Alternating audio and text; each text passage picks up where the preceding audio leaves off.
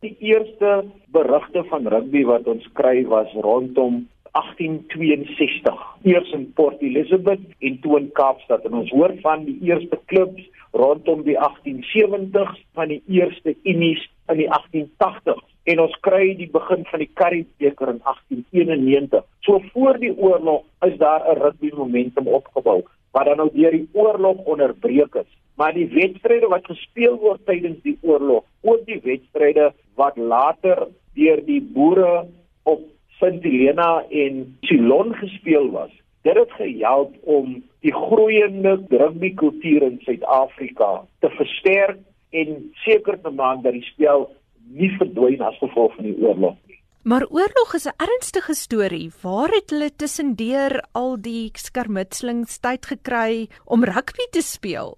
Behalwe diegene wat in die gevegslinie is, is daar altyd 'n groep in reserve wat natuurlik in die kampe ondersteuningsdienste lewer of wat dan nou wag om ontplooi te word op 'n gegeewe tyd om ander wat besig is om te veg af te los. So tydens daai onderbrekings is daar natuurlik 'n geleentheid vir mense om rugby te kan speel. En is daar amper iets wat hulle dan voel hulle moet bewys juis wanneer hulle op die rugbyveld is? Ja, behalwe natuurlik vir die eer van die regiment het ons gevind dat in die verslae oor die wedstryde tydens die Anglo-Boereoorlog dit ook dikwels gegaan het om nasionale trots, versterking en uitbeelding en verteenwoordiging van die nasionale identiteit van 'n span. Ons kry byvoorbeeld geleentheidswedstryde waar Nieu-Seeland speel teen die Australian Bushmen, Nieu-Seeland speel teen Kanada. So dit sê vir ons dat in sommige geleenthede oor veel meer gegaan as net ontspanning maar dat dit eintlik ook gegaan het oor 'n uitdrukking van jou nasionale identiteit en wie en wat jy is, kultuurgewys. So vertel ons van die rugbywedstryd wat jy glo alles begin het.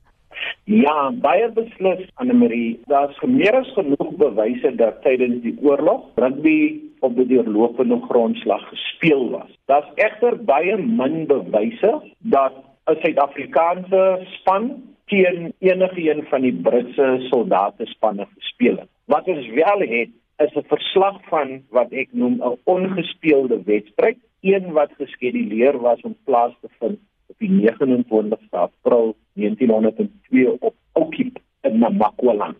Die Transvaalse Verkenningskorps onder leiding van veldgeneraal Mani Marits het hom bevind in die omgewing van Concordia in April 1902 en op 28 April stuur Marits 'n brief na Major Edwards van die Britse magte waarin hulle ooreenkom om 'n tydelike skietstaking te hê sodat hulle 'n wedstryd tussen die twee kante kan speel.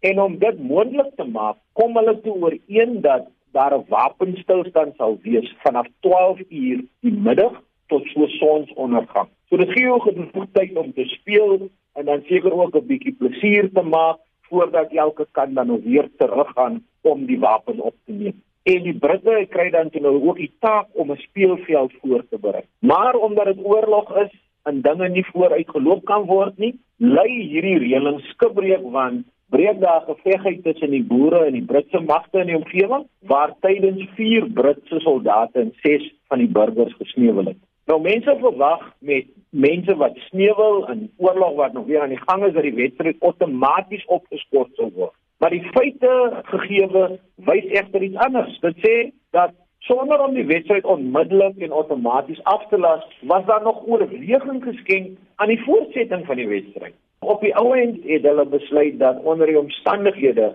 dit nie gepas sou wees nie. Dis nou aldus die weergawe van generaal Bouwer van die boerekant. So wat ons hiermee sien is dat sport het self die vermoë om onder sekere omstandighede 'n oorlog te kan stop.